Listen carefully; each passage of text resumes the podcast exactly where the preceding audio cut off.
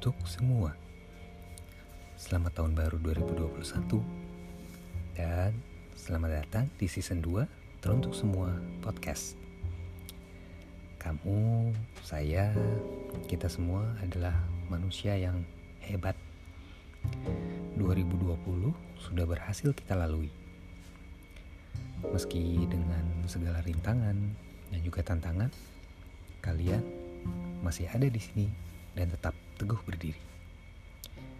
Boleh berikan tepukan pada diri sendiri dan ucapkan good job. Ketika sedang lesu, ingat saja bahwa kamu tidak sendirian di situasi ini. Kita semua mengalami kesulitan dengan porsinya masing-masing. Nah, kembali ke topik podcast ya, sebelum melantur ke mana-mana.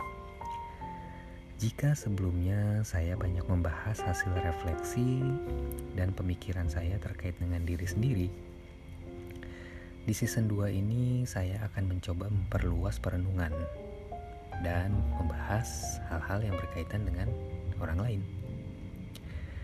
Episode kali ini saya ingin berbagi tentang compassion. Dalam bahasa Indonesia mungkin definisi terdekat adalah welas asih atau belas kasih. Teruntuk semua, selamat menikmati.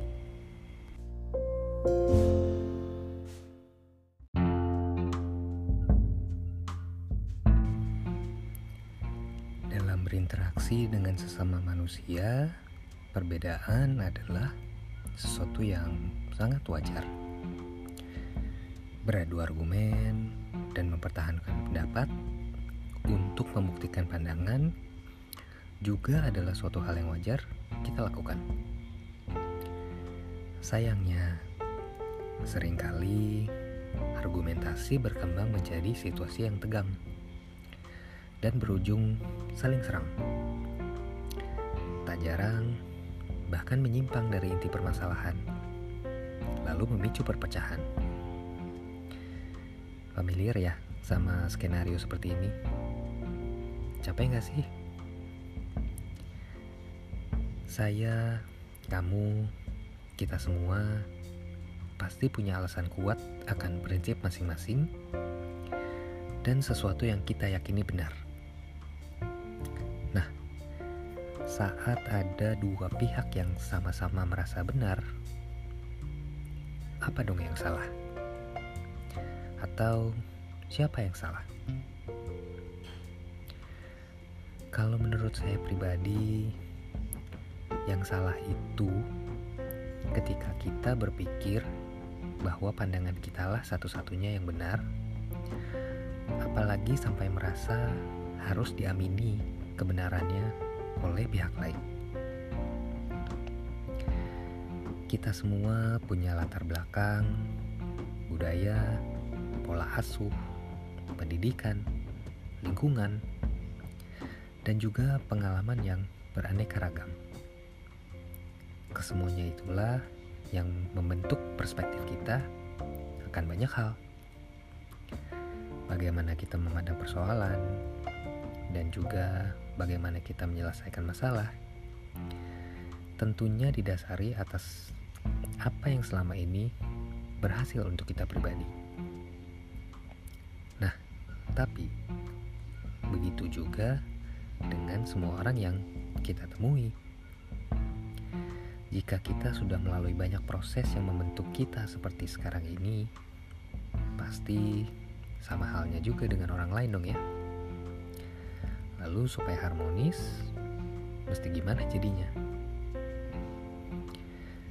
Dengan menerapkan dan melatih sikap serta sifat compassion akan sangat membantu dalam dinamika kita berinteraksi dengan sesama bahwa bagaimana seseorang itu, baik dan buruknya, adalah produk dari perjalanan panjang yang telah ia lalui. Dengan lebih menyadari hal ini, kita bisa mengembangkan sifat lebih menghargai, terbuka untuk memahami, dan juga tanpa menghakimi. Hasilnya, harmoni sepertinya akan lebih mudah terjadi. Lalu apakah dengan compassion saja pasti minim friksi? Ya tentu tidak. Namanya manusia biasa, pasti ada saja kilaf dan tersulut emosinya.